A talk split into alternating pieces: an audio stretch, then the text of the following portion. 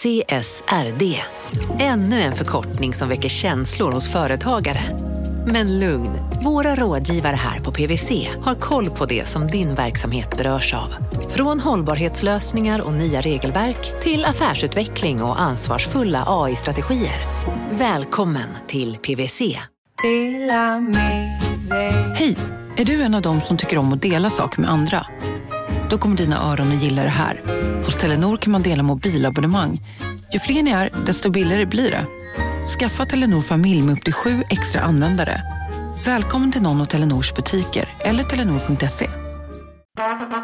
Det där var för att uppmärksamma er på att McDonalds nu ger fina deals i sin app till alla som slänger sin takeaway förpackning på rätt ställe. Även om skräpet kommer från andra snabbmatsrestauranger som exempelvis Mac eller till exempel Burger...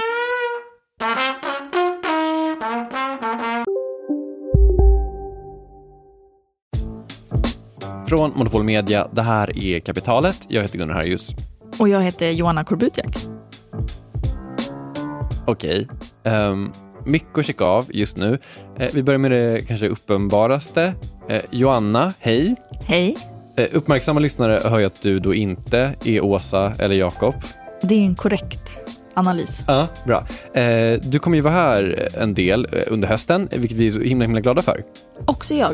Ja, vad härligt. Eh, om man inte vet vem du är så kan vi säga att du har gjort eh, all bra radio som producerats de senaste fem åren. Det är min bedömning i alla fall. Är det också din bedömning? Mm, jag låter dig säga det där. Ja, det gjorde jag just. Ja. Eh, men så jag kan väl säga det då, att om du någonsin har hört någonting bra på radion så är det Joanna som har gjort det. Mm. Det är det troligaste i alla fall. Eh, välkommen! Tack. Okej, det var punkt ett. Punkt två, eh, vi håller på med en del eh, andra spännande saker just nu, så håll olika ögon och öron eh, öppna. Vi kommer ju såklart berätta om dem i kapitalet, men kanske också eh, vet inte, kolla på vår Instagram eller någonting. Där heter vi kapitalet, så det är väldigt lätt att, att hålla koll. Punkt tre, ny säsong av kapitalet. Hurra! Hurra indeed! Eller så här, kapitalet upphör ju aldrig för vi är såna himla arbetsmyror. Men, men eh, det här är liksom det första vanliga kapitalavsnittet. Eh, ett avsnitt som inte är en intervju med en entreprenör eller, eller sådär. Utan mer en Ja, ni vet väl vad kapitalet är. Hur som helst, om vi har några nya lyssnare så välkomna. Sorry om ni trodde att det här var en klassisk intervjupodd. Så, Djupt andetag Gunnar. tack. Eh, du, för ett par dagar sedan så var vi på ICA nere på Folkungagatan. De, eh, de renoverar väldigt mycket här. Ska du, jag måste ta en bild. Jag tycker att det här var spexigt. Det hänger mycket sladdar i taket, vilket du tyckte var väldigt coolt. Nej men det är ju som att man skulle vara på någon cool eh, raveklubb. Jag har aldrig varit på en raveklubb. men tänk, skulle det inte se ut så här i taket då? Jo, jo jag tror det. Det ser lite ut som att man är i slakthusområdet typ. Två personer som är väldigt vana att gå på rave som vill höra. Eh, det är ganska coolt där inne ska sägas. Det, jag skulle säga att det just nu är Stockholms coolaste ICA. Befinner du dig i Stockholm på Söder, gå dit. Verkligen. Det är faktiskt, man kan, jag ska, efter, när vi har spelat in det här ska jag gå in på Tripadvisor och skriva upp Skriva upp betyget för ICA Folkungagatan. Kan varmt rekommendera. Hur som helst, vi var ju inte där för att kolla på inredningen utan vi var där för någon slags eh, tidsresa. Skulle vi liksom ta tillbaka dig till en upplevelse jag hade när jag var barn. Ja. Eh, som var att, eh, eller barn, jag kanske var 16. Ja, så I ungdom. lagens mening. I lagens mening, barn i mer kanske, eh, vad ska man säga, språklig mening, Du var en ungdom. late bloomer kanske. Nej, jag, jag, var, en- jag var en normal bloomer. Orimliga anklagelser från din sida.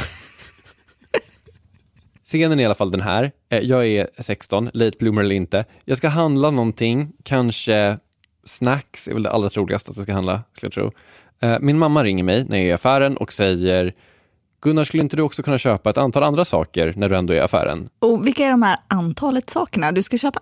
Eh, Det är typ då mjölk kanske och potatis. Jag hittar på lite, men du vet, det är så basala svennegrejer. Du vet, Föda. föda. Exakt. Eh, Jag har i alla fall 100 spänn i kontanter. Det här var eh, pre-kontant, eh, innan man förbjöd kontanter.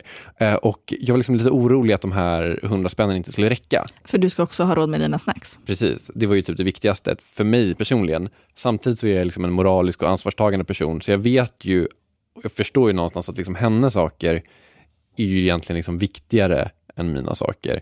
Så om pengarna inte räcker till både mjölk, potatis och chips så måste jag ju typ välja bort chips. Liksom. Jag ser ängeln och djävulen på dina axlar. Ja, exakt så. Det är verkligen en moralisk kamp som utspelar sig eh, på den här mataffären.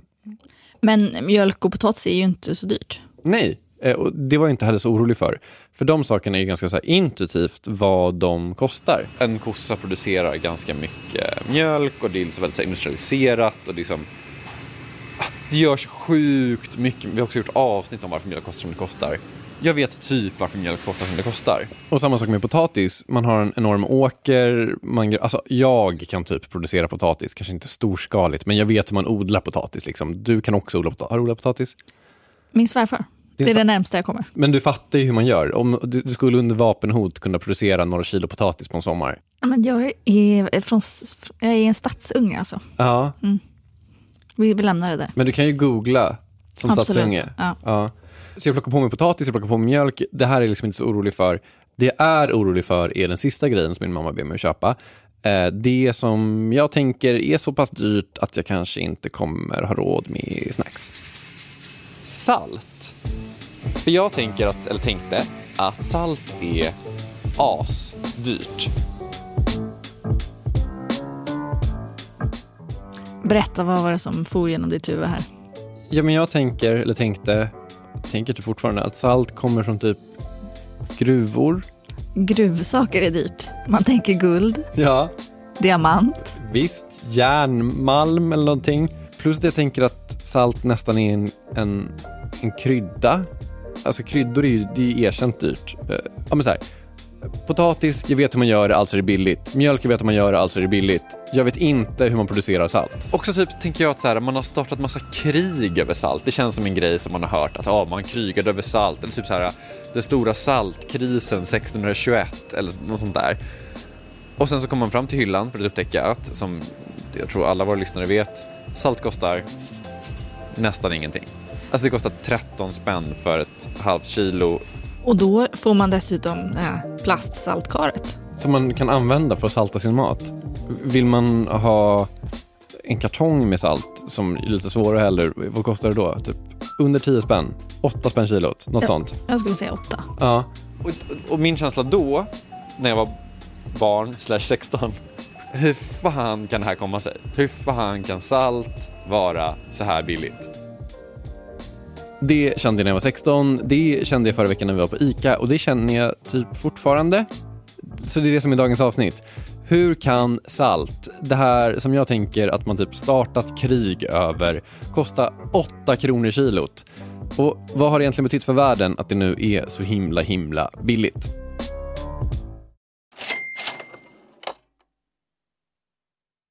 Vi sponsras av Storbrand Asset Management som ju förvaltar över 1000 miljarder norska kronor, bland annat för SPPs eh, många pensionssparare. För två år sedan så investerade Storbrand i drygt 60 tåg, alltså tågvagnar, eh, som rullar mellan London och Skottland. De leasar sedan de här tågvagnarna till tågoperatören som alltså kör tågen och säljer biljetter och sånt eh, med ett avtal på 27 år.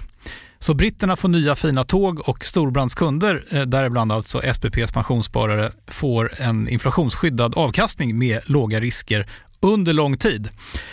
Det här är ett av supermånga exempel på hur pensionskapitalet i växande omfattning bidrar till att bygga samhället och inte minst till att klara klimatmålen.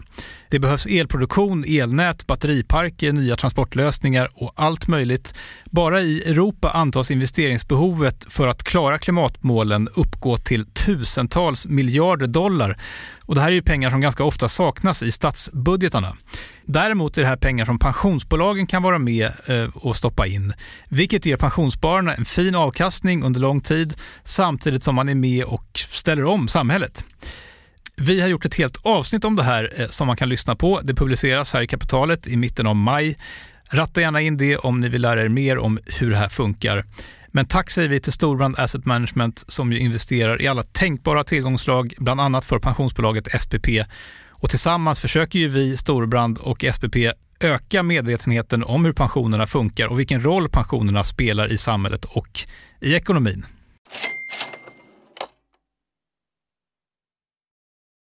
Dagens avsnitt har den väldigt snärtiga rubriken Hur kan salt vara så billigt när 16-åriga Gunnar har för sig att man till och med har krigat om det? Jag måste säga att A. Ja. Jag är med dig. Salt är lite förvånande billigt. Men också B. Har man verkligen startat krig över salt? Det låter lite överdrivet. Ja, eh, det kan man tänka. Alltså, så här. Jag tänkte ju då att man startade krig över när jag var 16. Jag tänker kanske fortfarande att Ja, men okej, kanske lite överdrivet, men jag tänker att ändå salt kanske varit lite viktigt. Eller så. Hur som helst. Om man vill veta huruvida man startat krig över salt eller inte så pratar man med eh, Stefan Kalén. Eh, Han är chefsekonom på Handelsanställdas förbund men har också en tjänst som forskare på Stockholms universitet i ekonomisk historia. Och eh, anledningen till att just Stefan är personen eh, som kan svara på det här, det är att han är... Sveriges enda prenumerant på Journal of Salt History, en egen eh, tidskrift som eh, jag läser fortfarande med nöje, ska jag säga. Journal of Salt History. Det är faktiskt en riktig tidskrift. Eh, där får man publicera sina senaste rön om man är eh, salthistoriker. Jag tycker det låter underbart. Ja, jag med. Och Stefan, han är ju salthistoriker. Ja, han har i alla fall doktorerat i salt, känn på den du. Och Stefan, visst är det ingenting som bara jag har fått för mig det här med att folk har krigat om salt förut? Nej, o nej. Det, saltet är ju historiskt sett en av de saker som man startat mest krig kring, skulle jag kunna säga. Och den har också en sån enorm inflytande på i stort sett allting. Har verkligen haft ett enormt inflytande på allting. Alltså, allting kanske är lite av en överdrift, men alltså så här. Frågar man Stefan så har salt rent historiskt varit kanske världens viktigaste sak. Det- är viktigt. Världens viktigaste sak är viktigt. Och för att fatta det här så måste man kanske förstå lite vad salt har betytt för Sverige. Vi tar, vi tar det som exempel. Det här är lite av ett sidospår, eh, men jag lovar det är jätteintressant och det kommer faktiskt förklara ganska mycket om varför Sverige ser ut som, som det gör idag. Ja, men, eh, ta till exempel att eh, i, i den judiska och kristna eh, religionen så är ju saltet det som är själva förbundet mellan Gud och människa.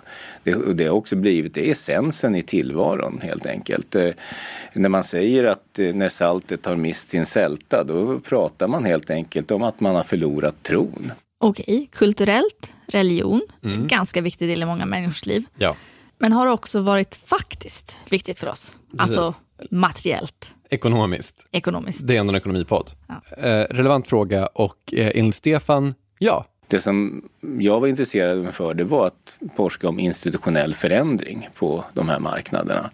Och saltmarknaden är historiskt sett den kanske största marknaden som, som har funnits under väldigt lång tid och eh, det skapades eh, många institutioner för att garantera saltförsörjningen. Låter överdrivet att man ska starta institutioner för att försörja landet med salt, men det gjorde man av en väldigt enkel anledning. För utan salt så svalt helt enkelt folk ihjäl. Det var ju så man saltade ju in eh, i stort sett all animalieproduktion i Sverige till exempel.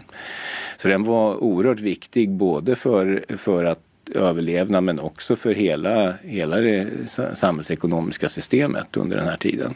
Nu är jag helt med Stefan. Salt är enormt viktigt. Ja. För utan salt så dog vi. Jag vet, det är så himla sjukt. Jag tycker man pratar lite för lite om det. Typ så här. Man pratar mycket om så här, åh, då gick han över stora bält för att det var, jag vet inte, is. eller- Man pratar för, alldeles för lite om salt tycker jag. Fast alla skulle vara döda om det inte vore för salt. Stefans kollegor salthistorikerna för dåliga på branding. Jag tycker det med och jag tycker vi också gör en fin samhällsinsats som lyfter fram salthistoria. För salt har liksom varit den stora möjliggöraren. Ja, alltså, eh, konservering var ju det som för den stora, eh, för, för oss som är förrådshushållning och sånt där var ju konservering eh, ett av de viktigaste sakerna man hade. Men, men eh, när man väl eh, lyckas med att kunna producera salt i större, större mängder så klarade man också av att eh, kunna salta in fisk och kött och den typen av produkter som gjorde att eh, man fick en större överlevnad i befolkningen. Eh, före, innan man hade det i stora mängder, fick man ta till andra metoder men det var ju torkning eller eh, rökning eller någon här.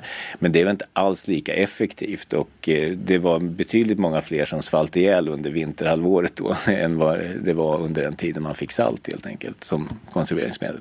Eftersom salt då var så himla himla viktigt så var det då också liksom typ en humanitär katastrof om det tog slut. Eh, Men tog slut, det gjorde det trots allt. Det kunde det göra av, då, av flera anledningar. Kan du gissa någon bra anledning till att salt kan ta slut? Mm, jag gissar att eh, det fanns fattiga människor Ja. och sånt där. Så kanske att de snodde det. En så kallad utbudschock. Under något år så kapades det till exempel 13 saltskepp från eh, svenska saltskepp i Medelhavet. Och då, eh, man hade ingen tillgång till snabba kommunikationer. Utan där hade man fiskat men det kom inget salt, så inget salt kom in. Och därför försvann i stort sett hela den fiske som man behövde leva på. Så det var ju ganska allvarligt. Och om det då inte fanns någon saltförsörjning i landet, ja då, då dog folk helt enkelt. Det finns också motsatsen till utbudschock, det vill säga Efterfrågechock. snyggt. Eh, ta till exempel det stora ollonåret 1795. Ursäkta? Ursäkta, vadå? Ursäkta vad? Eh, Det stora ollonåret, 1795, det är ingenting du känner Ja, till? jo, det var ju säkert med i nationalekonomi. Ja. Ja, jag tror det. Eh, Jag minns ju såklart det stora ollonåret 1795. Mm. Men det kan ju vara någon lyssnare som har missat det, så ta det lite kort. Ja, lite public service så. Det låter alltid roligt när man säger det stora ollonåret men det var ju faktiskt så att eh, på den tiden släppte man ju ut grisar eh, som fick äta utav eh, ollonskogar. Och många av grisarna dog ändå. Men när det var väldigt god tillgång på ollon så åt de väldigt mycket. Många överlevde och blev ganska feta. Och när man då helt plötsligt skulle salta in alltihopa där hade man inte tillräckligt med salt. Eh, så då var man tvungen att slänga skitmycket kött helt enkelt om man inte hade salt nog. Eh, man kan också drabbas av någonting som hette ett ymnigt sillfiske. Det var om sillen hade förökat sig väldigt bra så fick man väldigt mycket sill och så hade man inte salt nog att salta in det. Då kunde det också bli saltbrist. Det låter som ett enormt matsvinn som vi skulle säga idag. Verkligen. Ohållbart. Det är ohållbart på flera sätt tycker jag. Så man fick för mycket fisk, då var man tvungen att slänga allt. Eller så drabbades man av något oväntat, typ någon kapade ens saltskepp. Ja. Och så, då fick det till konsekvens att folk dog. Ja. Så kunde vi inte ha det. Nej, eh, jag håller med dig. Eh, En annan eh, som håller med oss då var, vår käre Axel Oxenstierna Alltid Axel Oxenstierna. Jag vet, så fort det är någonting som ska byggas eller ordnas eller institutionaliseras eller bara fixas med i största allmänhet i Sverige så verkar det vara liksom han. Hur som helst, eh, han såg det som du såg och som väl alla såg tror jag, att det här var fett jävla ohållbart i alla fall. Eh, och han sa att en stor del av den svenska välfärden vilade på saltet. Han menade kanske då välfärd som i att folk inte skulle fara illa. Han menade inte barnbidraget. Nej, men typ liksom. Alltså det vill säga, barn ska inte dö. Det, det, det är bra. Ja. Ehm, Vad gjorde han åt det här då? eh, jo men det han gjorde, det var, eller det var inte bara han, men, men det som Stefan menar gjordes i alla fall, det var att saltet blev liksom början på institutionaliseringen av typ hela Sverige. Sverige var ju, var ju importberoende eh, utav salt. Eh, Så var det ju så att Eh, garantera saltförsörjningen var en utav den svenska politikens, eller ekonomiska politikens allra, allra viktigaste delar. Så på den här tiden så har Sverige liksom en full-blown saltförsörjningspolitik. Man liksom skaffar en egen fungerande flotta för att typ så här skydda mot kapningar och se till att eh, saltet ska komma till Sverige typ fritt. Man eh, sätter upp massa så här saltlager över typ hela Sverige. Man håller på med typ att tvinga företag så här, som importerade salt att så här, ge en viss del av saltet till kronan. Man bygger upp massa olika institutioner i landet vars typ enda syfte är att folk ska ha salt. Det är så jävla främmande idag. Men det typ funkar i alla fall. För när det stora ollonåret 1795 väl kommer, Hade man då byggt upp ett statligt saltlager just i- vid de delarna av Skåne som gjorde att man faktiskt kunde salta in allt kött och klara sig på det. Otroligt snyggt jobbat Sverige. ja, Så utan salt, ingen stark svensk institutionsstat. Alltså omöjligt att veta, självklart. Eh, hade det inte varit salt hade det kanske varit något annat som tog fram liksom, den stora svenska statsapparaten och Axel Oxenstiernas logistiska geni. Men, men visst, det var liksom det var liksom ändå en avgörande del i att bygga upp den svenska statsapparaten. Utifrån ett välfärdssystem så skulle jag kunna säga att det här påminner egentligen om en blandning mellan sjukförsäkring och pensionssystem. Eh, så här, att det, är det så att du- har en, en, eh, bygger upp en saltförsörjningspolitik som gör att du kan garantera att du har salt eh, så är det så att människor överlever under mycket längre tid. Och det här är egentligen en sorts statlig socialförsäkringslösning. Staten gick in och tvingade alla eh, saltimportörer att hålla en femtedel av importen i stora statliga saltlager. Och det innebar att det alltid fanns en ständig saltförsörjning och det räddade Sverige väldigt mycket under den här tiden. Hade man inte haft det så hade man haft ständiga saltbrister överallt i Sverige och även Finland som tillhörde Sverige på den tiden. Och du hade haft oerhört mycket mer svält och sannolikt mycket mer social oro i Sverige än vad du hade innan dess. Okej, nu är jag med på båten. Ja. Saltskeppet. ja. Salt var sjukt viktigt. Salt var sjukt viktigt. Ja. Tillbaka till det här med priset, var det billigt på den här tiden också? Nej, salt var inte billigt. En, en vanlig hederlig eh, daglönare på den tiden eh, skulle väl kunna behöva lägga allt ifrån eh, hälften utav sin inkomst på de delar som rör saltet. Nu är det här lite svårt för en, en daglönare köpte aldrig en tunna salt. Alltså hörde du det? Halva lönen på salt. Det är så jävla mycket salt. Det känns lite, ja det är väldigt mycket pengar i alla fall. Du känner, lägger du halva lönen på salt idag?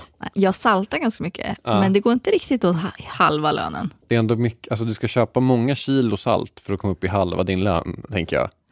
Jag vet inte Då- exakt vad du har i lön, men Mycket salt för stålarna blir det. ja, verkligen. Men om vi sammanfattar då. Mm. Salt var sjukt viktigt. Enligt Stefan, det viktigaste saken som någonsin funnits. Mm. Och jag är nästan beredd att hålla med efter allt det här. Mm. Men det var alltså dyrt. Det var dyrt. Så hur kunde det bli så billigt? Ja, hur kunde världens viktigaste sak bli så himla billig efter det här? Kapitalet sponsras av Master Exchange, plattformen där du som privatperson kan investera i låtar och får pengar varje gång de här låtarna spelas. Eh, vi berättade ju senast eh, om barnlåten Puff the Magic Dragon som noterades av Master Exchange under våren. Nu har utdelningen på den låten kommit, eller royaltyn som vi säger i musikbranschen. Eh, den ligger på drygt 12% i årstakt och det här är ju en avkastning som är helt okorrelerad till börsen. Till och med Goldman Sachs har börjat skriva om just musik som investering just ur det här perspektivet. Nu finns en möjlighet att investera i en ny låt. Eh, Låten heter Boss Bitch och den är av Doja Cat eh, som, eh, alltså jag ska inte säga att jag är superdeep här men eh, det är ändå en, en person som jag vet om det är. En, en världskändis. Den här låten gav baserad på förra årets spelningar en avkastning på drygt 13%. Master Exchange har just nu en väntelista på registreringar. Det, det går lite för bra för dem kan man säga. Men skriver ni in kapitalet som promo code så kan ni runda kön och ansöka om andelar i låten Boss Bitch ändå. Om ni investerar helt vanliga pengar, det är inget krypto eller sånt där, så vill du investera i musik och få en avkastning som är helt okorrelerad med börsen och kanske inte minst för att det är kul att äga låtar eh, så kan man gå in på masterexchange.com och använda kapitalet som promo code så går man alltså förbi kön. Kom ihåg dock att alla investeringar är förenade med risk men vi säger stort, stort tack till Master Exchange. Kapitalet sponsras av Karla, Jakob. Ja, bilar igen. Ja, det är Eh, härligt. På Karla kan man sälja sin elbil eh, på det gissningsvis smidigaste sättet i Sverige. Eh, Karla har ju ett fakt- nästan ett komiskt högt användarbetyg på Trustpilot. Mm. 4,8 av 5, vilket jag typ aldrig hört talas om. Nej, det är väldigt, väldigt högt. Eh, Man knappar in lite info om bilen på sidan, sen får man en gratis värdering och ett bud. Accepterar du budet kommer Karla och hämtar upp bilen gratis och sätter in pengarna innan de kör iväg. Inget mer än så. Rätt fantastiskt. Nej, det är faktiskt Ja. helt otroligt. Och eh, det kan bli ännu mer eh, otroligt än så. eh, För att vi har nämligen en rabattkod som ger dig 2000 kronor extra för bilen. Så att om du säljer din bil så får du två lax extra. Stämmer. Bara sådär. Eh, koden är Monopol och eh, den uppger du när du har värderat bilen och eh, pratat med Karlas inköpare. Koden är giltig till sista maj så att eh, passa på om du går i säljartankar. Jag undrar om vi haft en kod som har gett två lax bara sådär någon gång. Nej. Det är helt otroligt. Man behöver en bil förvisso. Absolut, så det är inte, kanske inte bara sådär. Men det är ändå 2000 kronor extra. Väldigt bra. Ja. Så sälj din elbil eller laddhybrid till Karla. Du får 2000 kronor extra med rabattkoden Monopol. Hoppa in och kolla på karla.se, Karla Museet. Där kan man också köpa bilar ska jag tillägga. Verkligen. Vi säger stort tack till Karla. Så dagens fråga är alltså, hur kan salt vara så billigt? Mm. Eh, om jag ska vara ärlig så känns det som att du ägnat större delen av det här avsnittet till att säga varför salt är så sjukt viktigt. Vilket kanske snarare borde tyda på att salt inte alls borde vara så billigt. Jag, jag, jag håller med. Men nu är din stund kommen. Ja. Förklara för mig varför salt är så billigt. Ja, eh, vill man få svar på det så ska man då inte prata med en historiker. Eller man kan säkert prata med en historiker för att få svar på det också. Jag har inte pratat med en historiker för att få svar på det, utan jag har pratat med någon som jobbar med salt eh, idag. Och säkert alla andra dagar också. Ja, Christer Olausson heter jag. är VD för ett eh, företag som heter Salinity. Eh, Salinity är ett företag som arbetar eh, med salt kan man säga. Vi importerar, eh, vi gör en viss förädling av salt och eh, säljer i Sverige men även runt om i världen faktiskt. Har du hört talas om Salinity? Svar nej. Eh, Man har ju inte det, det hade inte jag heller. Ändå omsätter de 600 miljoner spänn om året. Det kan man få mycket salt för. Fett mycket salt. Eh, Däremot så tror jag nog att du har hört talas om Salinitys stora konsumentvarumärke. Falksalt. Det finns också andra saltmärken där ute i Sverige. Inte så många andra. Inte så många andra. Typ ett till. Joso. Finns det något mer? Nu satte du mig på pottkanten. Nej men det finns typ två på riktigt. Eh, och Christer tänker att det finns en anledning till att det ser ut som det gör idag på den svenska marknaden. Och det är att det är inte aslätt att tjäna pengar på salt. Företaget är stiftelseägt faktiskt och det gör att eh, pengar som tjänas i bolaget ska eh, stanna kvar i bolaget och investeras. Så det gör att avkastningskraven kanske inte är detsamma som man, i många andra företag. Eh, och framförallt ett saltbolag tror jag skulle ha väldigt svårt att, att vara börsnoterat om man tänker att eh, du är så otroligt beroende av har det snöat eller inte. Man är beroende av om det har snöat eller inte. Ja, eh, det är en svinstor grej för saltbolag. Jag skulle inte säga världen över, men norra världen över kanske. Jag vet inte. Alltså så här, eh, falksalt är typ inte en så stor del, det är en stor del, men det är liksom inte den stora delen av det som inte gör, utan de gör massa grejer. Eh, de håller på med salt till boskap, du vet sådana här, Saltstenar som de behöver, korna och hästarna. ja exakt, du är väl hästtjej? Absolut. Ja, då har du dealat med saltstenar för. Ja. Då är det Christer som ordnat den kanske. Eh, Shoutout till Christer. Från alla hästar jag någonsin känt. Exakt. Eh, sen finns det också så maskinsalt som man kan ha olika maskiner, till exempel diskmaskinen eh, om man har om det är hårt eller mjukt vatten, jag kommer inte ihåg. Eh, och så då vägsalt som är det vi pratar om med snö här. Som man alltså smälter is på vägarna med. Precis. Och om det då inte snöar så finns det inget behov av vägsalt. Så Christer berättade för mig att de i år har de då 100 000 ton oanvänt salt som bara står i olika lager i Sverige och har liksom väntat hela vintern på att det ska snöa. Men förra vintern så kom aldrig den dagen. Det Nej, inte. inte i södra Sverige i alla fall.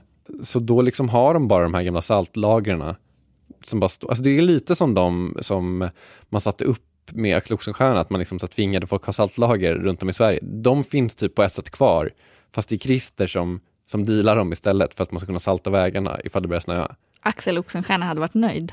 Jag tror, eh, vi kan väl slå fast att Christer är Axel Oxenstierna reborn, typ. I alla fall saltaspekten av Axel Oxenstierna. Exakt. Hur som helst, hur kan det vara så billigt med salt då? Jo, e- egentligen så är det här en jätteenkel fråga att besvara. Det är billigt med salt för att det är billigt att producera salt. Då kan man säga att det finns tre typer av salt. Det finns havssalt. Det är, om man är i Medelhavet till exempel kanske man har åkt förbi någonstans. Sådana här havssaltsanläggningar. Det är stora eh, pooler ser det ut som, som ligger jätteenorma. Sen så finns det två varianter till. En som kallas för vakuumsalt som är egentligen det, det kan, man tänk, kanske tänker på vanligast, det man har i pastavattnet. Då är det som så att tusen meter under marken så finns det, finns det saltfyndigheter helt enkelt. Ungefär som järnmalm finns i Sverige. Så man borrar ner, eh, pumpar ner vatten och eh, det blir en saltlake som man då pumpar upp igen och den kokar man under vakuumtryck och då får man ett otroligt rent salt. Man säger att det är 99,9 procent ungefär natriumklorid i det. Sen finns det tredje som heter bergssalt helt enkelt och det är att man, man ren gruvdrift. Man eh, borrar ner och eh, spränger och plockar ut de här saltstenarna och krossar dem. Och, och, och vilket av det här är det som är så jävla billigt då? Eh, alla tre.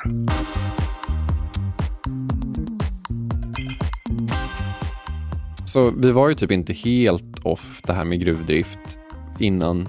Det är bara att det är asbillig gruvdrift för att det, jag vet inte, man är så bra på det typ. Eh, och när vi tänker på salt så är ju då nästan allt som vi tänker på tror jag i vakuumsalt, alltså det är det man har i mat och bordssalt och sånt där. Bara recap, man borrar ner ett hål i jorden, pumpar ner vatten, tar upp det, kokar det i vakuum, sen så har man svin mycket salt. Det här låter typ inte asbilligt tycker jag, men det är tydligen sjukt billigt. De är väl antagligen väldigt, väldigt effektiva. De måste vara det. Eh, man verkar också ha liksom effektiviserat hela saltindustrin så himla, himla mycket. Det här började under industriella revolutionen ska sägas. Alltså att man kom på de här metoderna för att ta fram salt och att man kan koka under vakuum som är så himla bra och sånt där. Vi ska också säga att salt finns inte i Sverige. Det är därför vi liksom inte hör några ljud från när jag är i en saltgruva eller hör hur man jag vet inte hur vakuumkok låter men, men det hade ni kunnat höra nu om jag Säkert jättehärligt. Säkert jättehärligt. Eh, Vill man höra det så måste man åka till Tyskland för det är där typ allt svenskt salt kommer ifrån. Eh, Man har också förädling precis bredvid de här gruvorna eller liksom pumptagen eller vad man ska kalla det. Så man behöver liksom inte frakta saltet någonstans för att förädla det. Eh, Och sen så håller ju salt typ för alltid så man behöver inte skynda på med att frakta det utan man kan ta det på långsamma båtar. Överlag är liksom allting som har med saltproduktion och saltfrakt och saltförädling att göra asbilligt. Så sammanfattningen och svaret på din fråga, det blir alltså att salt är billigt för att salt är billigt? Ja, eh, om vi går till grunden av ekonomi, ett, ett, 1A, 1A1, det här kanske typ är innan 1A till och med, utbud och efterfrågan. Utbudet av salt är nästan oändligt. Det finns så fruktansvärt mycket salt i jorden. Det kommer aldrig ta slut typ. Och i och med det här och de här metoderna som man utvecklade under revolutionen, framförallt då vakuumsaltköret, så kan man tillgodose efterfrågan med eh, råge. Eh, många, säger liksom att nej men de, de tycker att hade ni höjt priset, om det hade varit det dubbla priset, säg att det kostat 20 kronor för ett kilo, så hade man inte reagerat om det hade skett en plö- plötslig prishöjning så att säga. Jag tror att det är få produkter som man skulle kunna kanske göra det utan att, utan att någon reagerar. Liksom. Vänta lite här, nu tycker jag att det låter som att Christer gör dålig business här. Om ingen hade reagerat på dubbelpris, dubbla priset. Eller hur? Så känner jag också jättemycket när jag hör det här. Men han säger då tyvärr då att de inte har monopol på marknaden så de kan inte höja, de får inte göra vad som helst liksom. För då kommer alla bara köpa juice istället typ. Sen, Höjer man priset för mycket så kanske det finns möjligheter också eh, för om man får säga, konkurrenter i, i Europa att börja kunna sälja in i Sverige. Så att det, är ju, det är ju utbud och efterfrågan och, och pris. Så man, man får jobba och ligga rätt där helt enkelt. Och att ligga rätt idag, det är ungefär 8 kronor kilot. precis. Och då tjänar producenten pengar och Christer tjänar pengar och handlaren tjänar pengar. Så salt är alltså billigt för att eh, det är ännu billigare egentligen. Ja, Känner du att Gunnar, 16 år, har fått svar på sin fråga? jag känner det. Jag tror nog att jag 16 år hade varit måttligt intresserad av de här grejerna. Eller ja, fan, typ lite intresserad ändå. Jag kan ha ett nytt svar på om du får en tidsmaskin och åka tillbaka och ge dig själv ett råd. När, vad skulle du, då skulle jag säga att jag åker tillbaka till jag var 16 och så berättar jag om det stora ollonåret 1795. Något som alla 16-åringar borde känna till. Det tycker jag i alla fall. Eh, så att spela upp det här för en 16-åring nära dig eller någonting. Med det är kapital slut för den här veckan. Eh, under hösten så kommer en massa, massa spännande avsnitt. Eh, ett nytt varje vecka faktiskt. Jag heter Gunnar Harjus. Jag heter Johanna Korbutiak. Åsa Secker och Jakob Bursell jobbar också med det här programmet. Eh, Kristoffer Krook med. Han har nämligen mixat det. På Instagram så heter vi Kapitalet. Hej då! Hej då!